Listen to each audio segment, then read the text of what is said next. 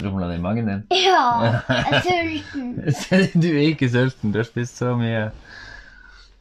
Uh, kan, kan du Forstår du rett opp med rumpa di? Det er sånn vi skal begynne en ny sesong. Bare rumpa i været. Ikke vi blitt mer voksen nå? Hæ? Har vi ikke blitt utvikla oss i løpet av dette året? Ja, Ok, så her Det er opp med rumpa, så gir vi sånn her starter, starter vi den nye, nye sesongen med at jeg klapser deg på rumpa. Opp med rumpa. Opp rumpa. Ok, sesong to begynner der. This podcast may contain traces of watermelon.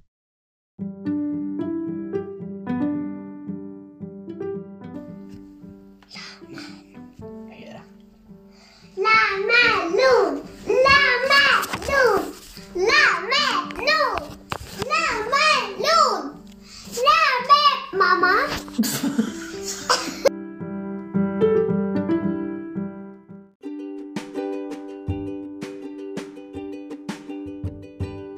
Velkommen! Skvatt du? Sorry. Velkommen Velkommen. til Lammelom sesong to, episode én. Eh, Vi skal ha to korte sesonger her før vi før, Det var, det var ni du viser meg der. Ja, der er en, ja. En på, han viste meg det på bestemors gamle målbånd. Velkommen hit.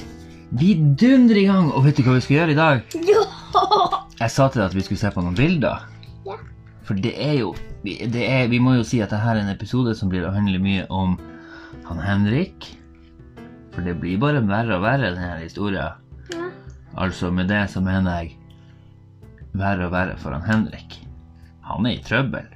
Hvordan i trøbbel? Ja, han, for det første kommer han seg jo aldri ut av det røret. Ja. Men så er det jo noen skumlinger inni på det rommet. Ikke sant? Ja. Det er jo noen som ikke er De er ikke helt gode. Nei, ikke helt gode. Helt. Her står det at, at er er ikke helt stor. Så står det det på målbåndet. Ja. Det er, det er veldig sånn eh, Det er veldig the usual suspects. Alt, alt står rundt omkring på kopper og bilder, og til og med på bestemors målbånd. Pass opp, de er ikke gode. Hva står det under denne klokka her? Står det 'pass deg for sjefen'? Nei, det gjør ikke det. Heldigvis ikke. Men du, jeg lovde, lovde å vise deg noen bilder. Eh, For det første. Jeg heter Erik. Hvem er du? Det første skjær, det er den. Du heter Emrik, ja. Vi, er, vi må jo huske å presentere oss for nye folk fra både Nord-Norge og Sør-Norge og Nord-Singapore og Sør-Singapore. Sånn, sånn er det bare.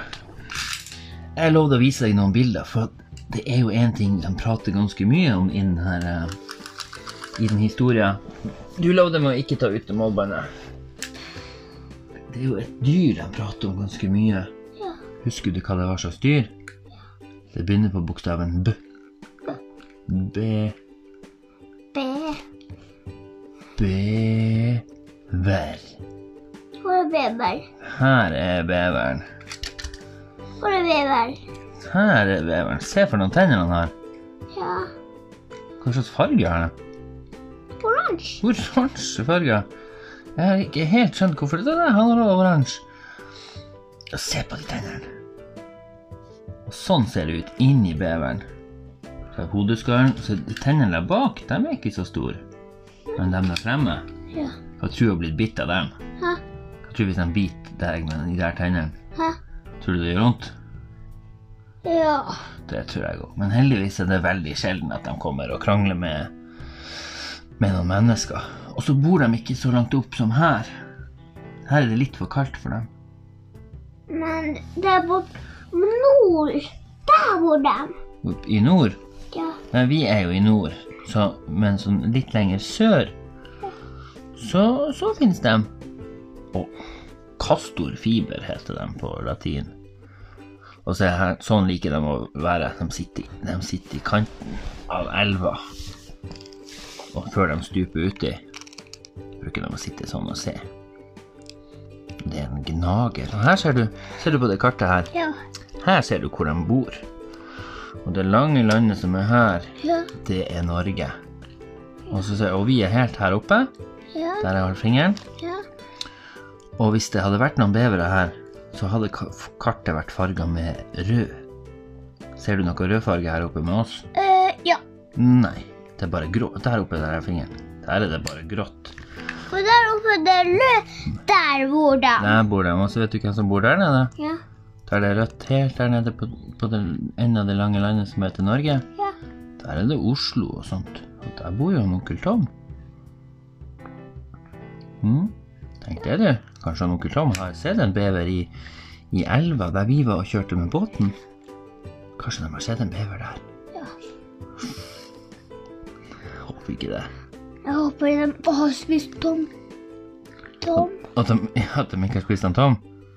Jeg tror de har spist Tror du det? Jeg, jeg så han var på skitur i dag, så jeg tror Altså, det må jo ha skjedd i kveld, da, i så fall.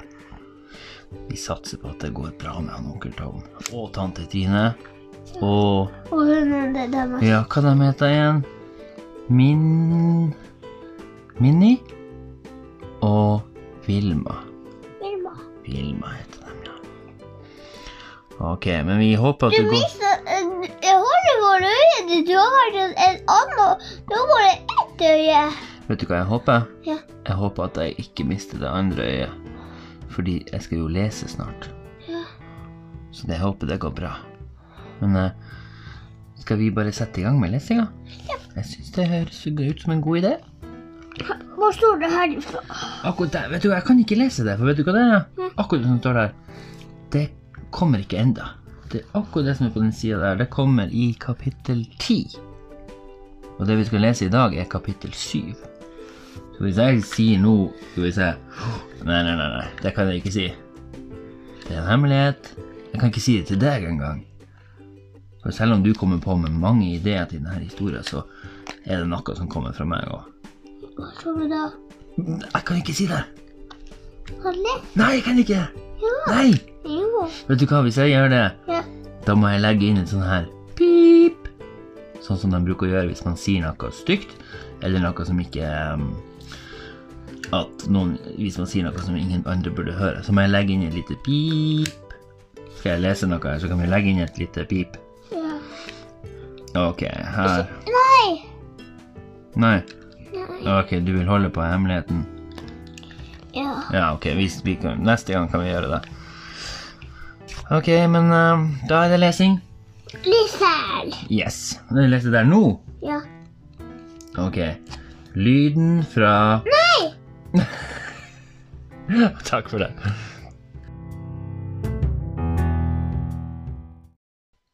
Henrik og buksemakeren. Kapittel 7. Monolog. Jeg sto.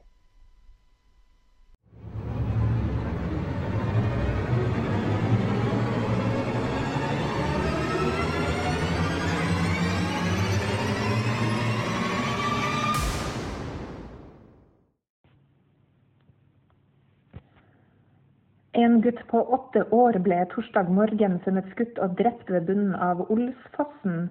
Gutten var kledd i en grå T-skjorte og sorte sko. Politiet er enda ikke noen mistenkte i saken, og har heller ikke vært i stand til å identifisere gutten, der det kan se ut til at en gjeng bevere hadde spist han i løpet av natten.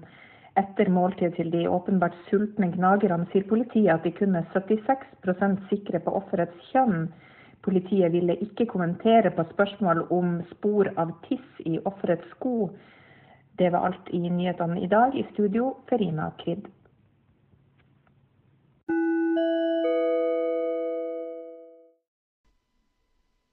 Det er ikke hele livet som passerer i revy når man blir trua av en mann med verdens største pistol. Man blir helt tom i blikket, og man hører en stemme i hodet som leser opp nyheter. Henrik stirrer så hardt at han kunne kjenne det trille tårer ned langs kinnet og inni den gapende munnen. Mannen med den store pistolen, Foyt, tok to skritt nærmere gitteret før en hånd stoppa han. Sjefen strakk opp sin venstre hånd. Stopp! kom det fra skrivepulten. Jeg vet ikke hva du tror du holder på med, men stopp der. Det var da, midt i panikken og frykten for å ende opp som bevermat med kulehold i, at Henrik kjente igjen stemmen til sjefen. Det var den samme som han hadde hørt da han lurte seg sjøl med det røret i ryggen. Trøsten denne gangen var at det var ikke bare han sjøl og stemmen i hodet som kjørte et triks på seg sjøl, og akkurat nå laga ikke hodet hans noen fantasier. Dette var så ekte som han kunne få det. Sjefen, sjefen gjentok seg sjøl. Stopp! Arrett! Hva er det du tror du gjør? Han virka oppgitt. Stammingen var tilbake, men Foyt virka mer oppskjørta nå. Jeg, jeg? Hva, hva, mener du, sjef? Hørte du ikke? Det er noen der ute! Han vifta litt med pistolen og pekte den mot gitteret der Henrik sto og kjempa hardt for ikke å hyle ut. Det kom en ny dråpe som rant rett i munnen. Men den kom ikke fra gråt. Det smakte blod. Han torde ikke å løfte opp handa for å sjekke, men han visste hvor det kom fra. Helt oppe på nesebeinet rant det blod ned fra et sår som kunne ligne, fra, ligne et hull til en ladekontakt, og Henrik ble gradvis tappa for den lille strømmen han hadde igjen.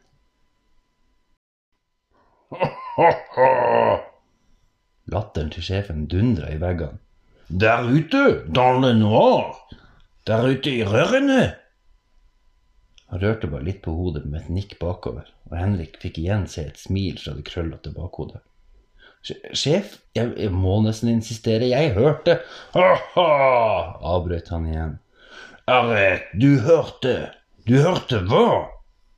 Før Foyt rakk å svare, snudde, sjefen seg mot den telefonløse. Hørte du noe? Sjefen venta ikke på svar der heller, og snudde seg tilbake til Foyt. Og senk den pistolen din, imbesil, du skyter hodet av meg snart, det skal gå. Det kom et høyt sukk fra sjefen. Så ble det helt stille, og Foyt senka sakte våpenet ned. Stillheten som varte i noen sekunder, ble veldig forsiktig, men tydelig nok avbrutt av et ord ut av en sammenbitt munn. Ja. Oi, hva? Gjesten holdt blikket på sjefen, men vrei seg i stolen da han gjentok seg. Ja, jeg hørte noe. Dette var det raskeste Henrik hadde sett denne sjefen røre seg. Han stirra hardt mot den tidligere sjørøveren. Nå, ikke du også! Sjefen lente seg bak og klinka litt med skjea i koppen. Han så rett på Foyt, men pekte med skjea på den andre. Jeg tror du har vært for lenge sammen med Lerand rottene i Amsterdam. Og du, fortsatte han og pekte på Foyt. Du har bare vært for lenge med rottene. Han satte seg godt tilbake i stolen. Ingen våga å si noe. Begge stirra tomt mot gulvet. Forsiktig så sneik Foyt seg et kjapt blikk mot Henrik og gitteret, men det virka som han var redd for at sjefen skulle se at han fortsatt ikke hadde gitt opp tanken på at det var noen der. Henrik innså noe. Dette måtte være den samme greia som da de på høsten brukte å leke tyveri eller kratt i hagen til folk. Henrik og Sassa brukte å kle seg i svarte klær og så vente til det ble helt mørkt. Så sneik de seg inn i hagen til noen de ikke kjente. De skulle starte i enden av hagen og gå i retning stuevinduet der den fremmede familien skulle sitte og se på TV eller kanskje nyte en sen middag. Neste steg ville være at de hand i hand gikk sakte mot vinduet mens de gjentok én setning om og om igjen. Vi må bare beklage, men vi er i din hage. Vi må bare beklage, men vi er i din hage. Stemmene skulle bli høyere og høyere for hvert skritt de tok. Når de på et tidspunkt ble avslørt, så skulle de springe så fort de kunne til nærmeste kratt og gjemme seg der. Veldig ofte så endte de helt oppe med vinduet før de ble oppdaga. Og det var ikke fordi de var flinke til å gjemme seg, eller noe sånt, men Henrik hadde til slutt lært at når det var lyst inne og mørkt ute, så var bestevennene nesten helt usynlige. Og sånn måtte det være nå også. Lyst inne på rommet, mørkt ute på telefonkirkegården i røret. Bever, kom det plutselig fra gjesten. Han hadde retta seg sjøl litt opp i ryggen. Henrik kikka bort på sjefen samtidig som gjesten gjorde det. Det var vanskelig å vite om han rynka panna, men det var kommet tre ekstra folder i nakken. Tre sure munner. Gjesten fikk svar i form av hvesing. Det var Han satte fra seg koppen og lente seg litt mot gjesten Klotsak. Klotsak begynte å vri seg i stolen igjen. Foyt fikk det plutselig travelt med å si noe. Han tok et steg frem, nesten som at han måtte stille seg mellom de andre to for at de ikke skulle smelle sammen. Hei, hei, hei, jeg tror ikke vår nederlandske venn mente noe med det der. Flamsk humor var det nok sikkert. Ja, ja, ja, ja, ja. Så snudde han seg mot gjesten og ga han et lett klaps på skuldra, og tvang frem en litt anstrengt latter. Gjesten rykka til og ble streng i ansiktet. Du rører ikke meg! Så virka det som han brått huska hvem han var hos, og senka hodet igjen. Ha-ha-ha, rolig, garçon, ne touche pas moi, klotsøk, hm? Latteren forsvant like fort som den kom, og stemninga i rommet virka annerledes. Sjefen var fortsatt sjefen, men de andre to stivna til. Foyt sto rett opp og ned, stivt. Mannen som akkurat hadde sagt ordet bever, satt urørlig og sammenknytt i stolen sin. Begge stirra så hardt i gulvet at det virka nesten som de enten frykta at gulvet skulle åpne seg for å sluke dem, eller at de kanskje håpa på det.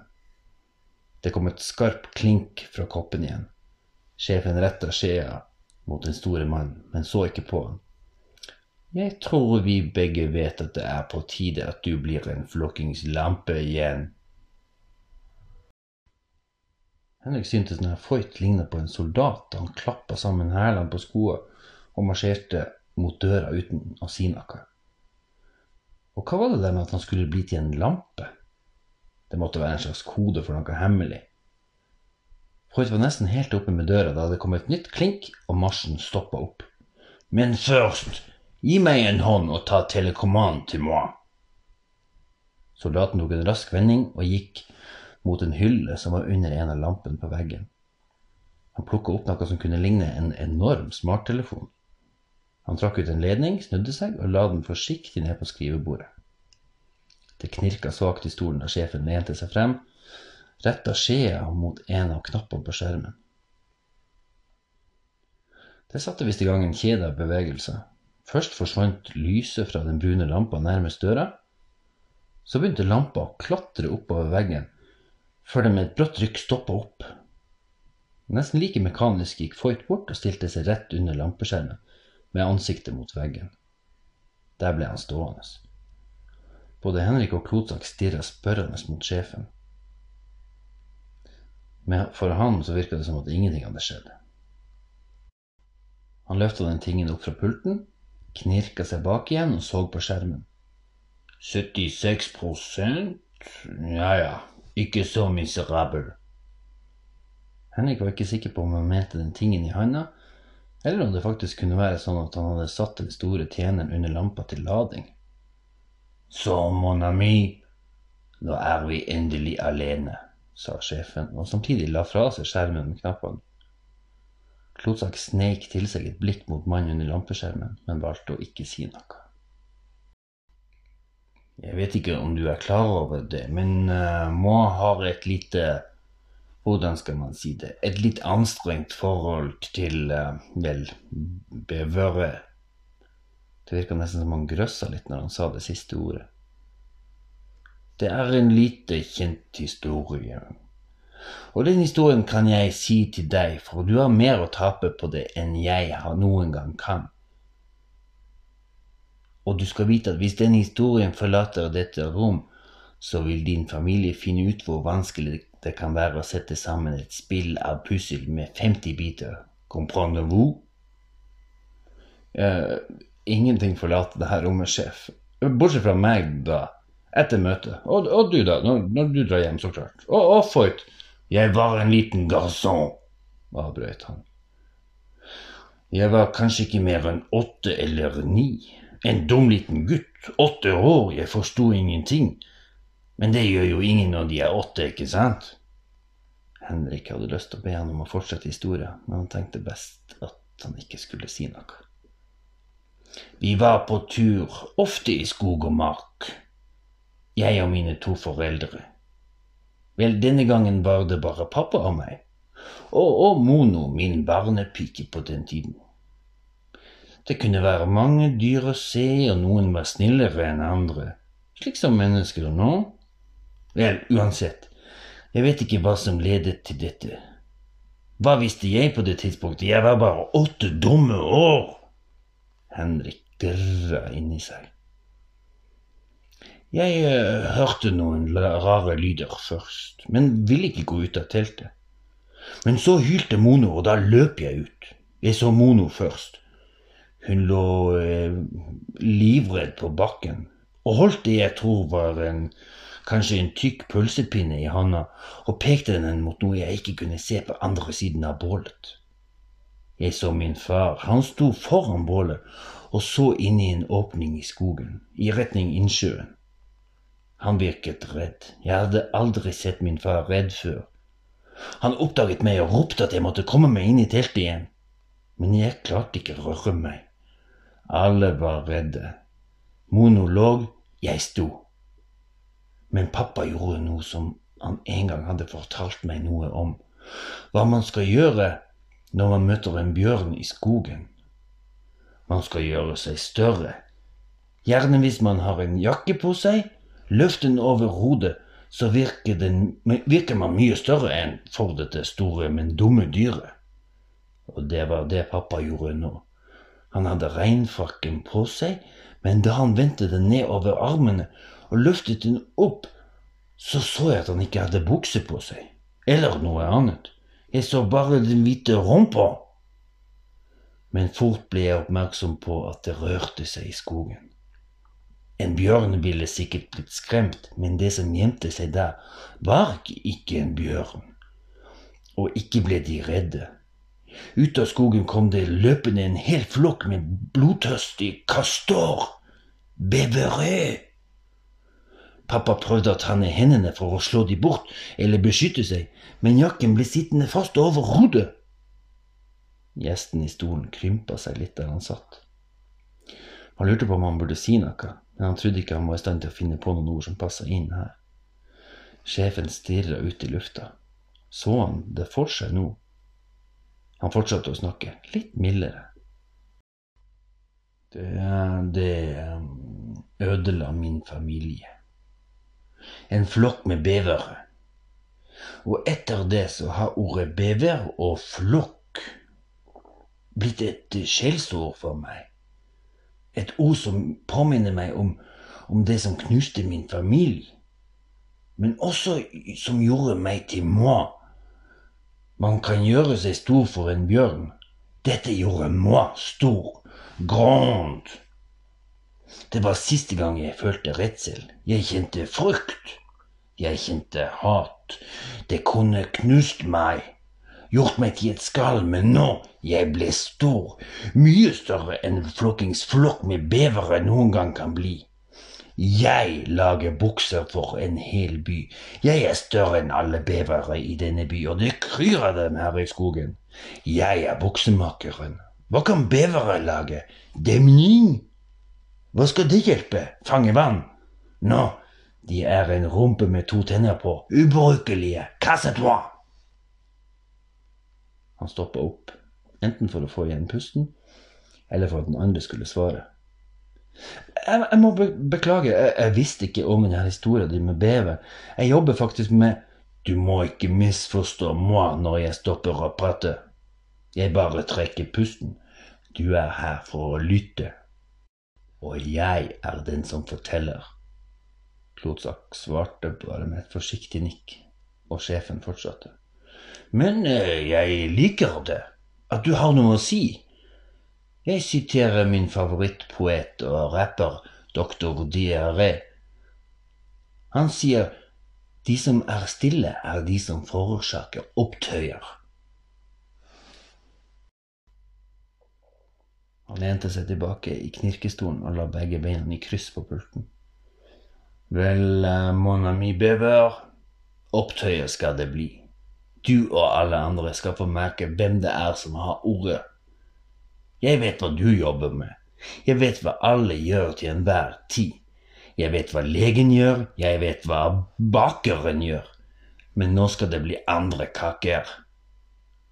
Han begynte å slå seg sjøl med en pekefinger mot brystet. Jeg er bakeren. Jeg er doktoren. Jeg er doktor diaré. Jeg er bakemester Harepussi, og jeg kommer med 500 kilo pepper. Selv ute i røret der Henrik satt, var det tydelig at denne sjefen hissa seg veldig opp. Og enda tydeligere var det når Henrik så bort mot gjesten. Han stirra på sjefen med sine store, glassaktige øyne. Igjen retta sjefen skjea mot Totsak uten å se på ham. Jeg eh, vet du har en historie. Jeg vet du dro til Amsterdam for å rette opp i noe i ditt liv som du tror er feil, eller kanskje umoralsk. Du tror du er en bever. Han tok beina ned fra pulten, lente seg mot han og senka tonen i stemmen. Jeg tror du kommer til å finne ut når alt dette tyllet er over. Jeg tror du kommer til å finne deg selv som en smilende, lykkelig escargot. Saken er at akkurat nå har du talent.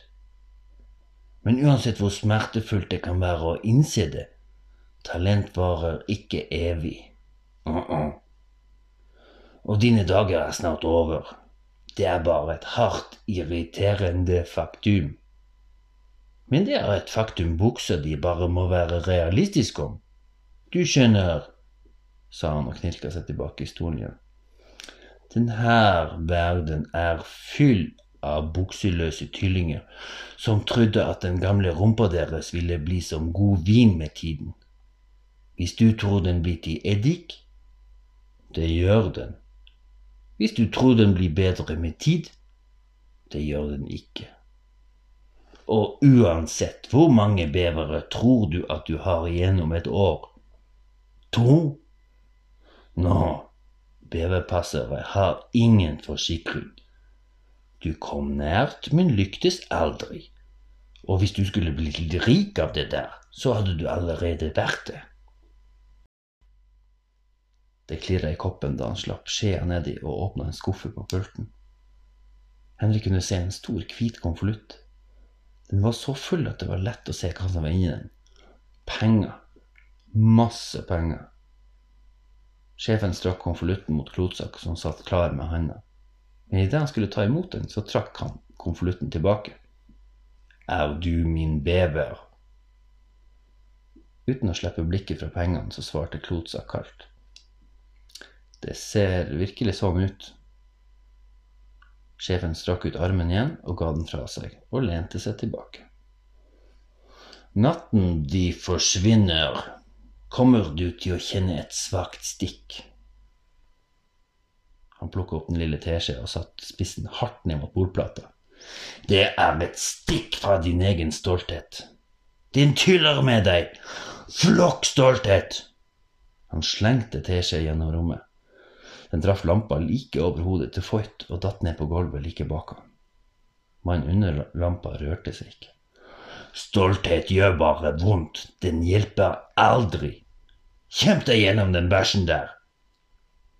For om et år, når du går med en bukse så lang som et godt år på en strand på en karibisk øy, så kommer du til å si til deg selv Bruno Beige hadde rett. Klotsak hadde ennå ikke sluppet blikket fra den tjukke konvolutten. Han nikka.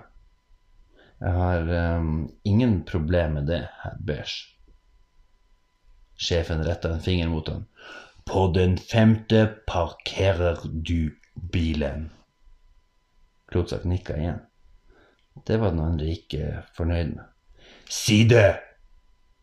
Klotsak skifta blikket rolig, men anspent mot herr Beige. På den femte parkerer jeg bilen.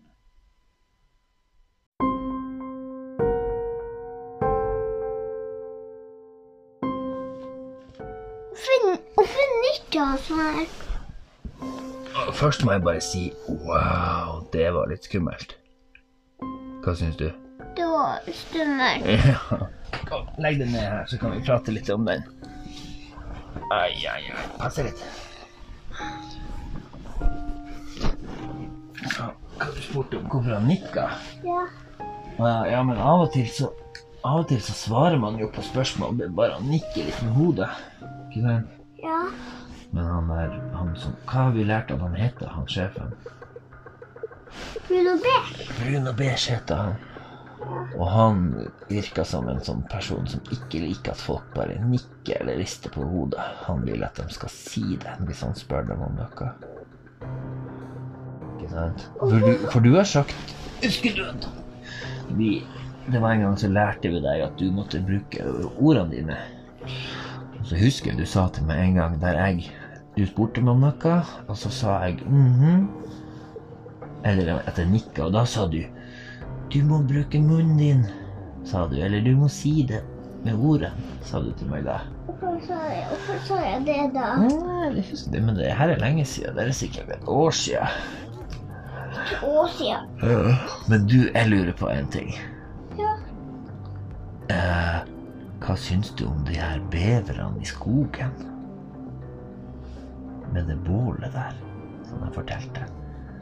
Det var jo pappaen, han Bruno Beige, han har jo, han som var sjefen nå, han fortalte jo en historie da han, fra da han var liten, at pappaen hans hadde blitt angrepet av noen bevere. Hæ?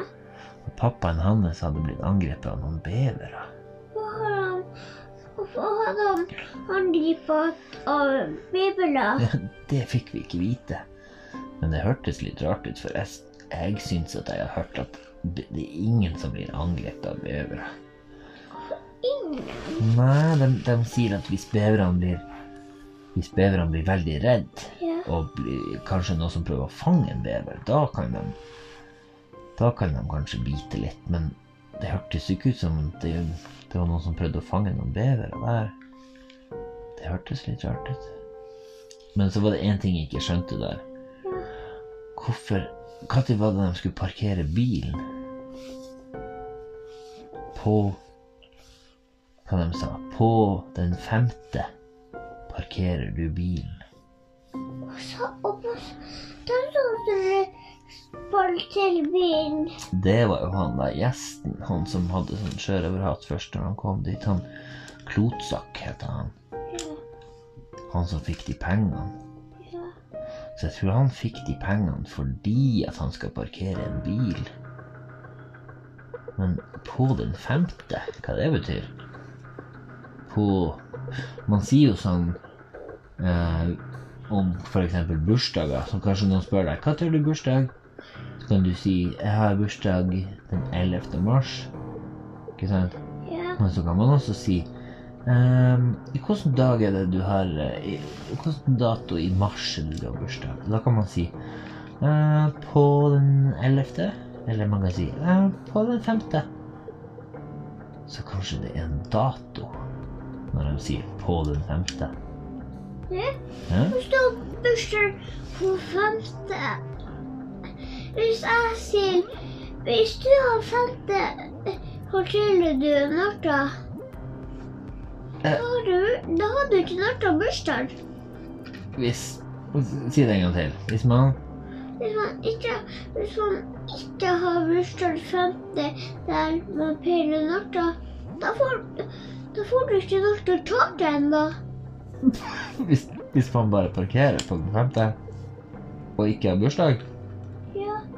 Ja, det er det. Man bruker ikke å få kake når man parkerer bilen. Men, men man får det på bursdager. ja, hvor snart blir du da? Jeg har jo akkurat hatt bursdag, da. Ja, men Du må ha ordentlig bursdag. Hva mener du med ordentlig bursdag? Ordentlig selskap? Ja. Å ja, ja, det kan jeg ha en dag. Når, når alle sammen er på samme plass. ja da kan jeg også ta med, og mamma ta med, bestesøsteren ta med. Mm. Alle tar ta med som jeg ikke kjenner. ja. Alle tar Tomme. ja. Men først må jeg parkere bilen den femte. Du nikker bare. Jeg vil at du skal si det, ikke nikk. det er det nye slagordet til podkasten vår. Så.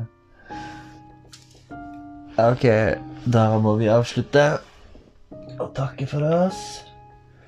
Og hva skal vi si til dem som hører på? Si ha det. Ja, og pass dere for bevere. Ja. Vær snill med bevere hvis dere ser dem. Ja.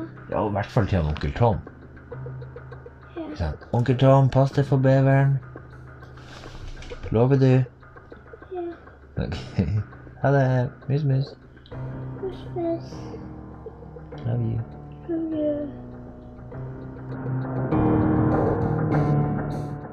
This podcast was edited and produced by Snil, Bisk Corporation, Comheatdu, Dinslemahund. Mahund. Yeelab. Art design was made by Una Christina. Softy. Safety.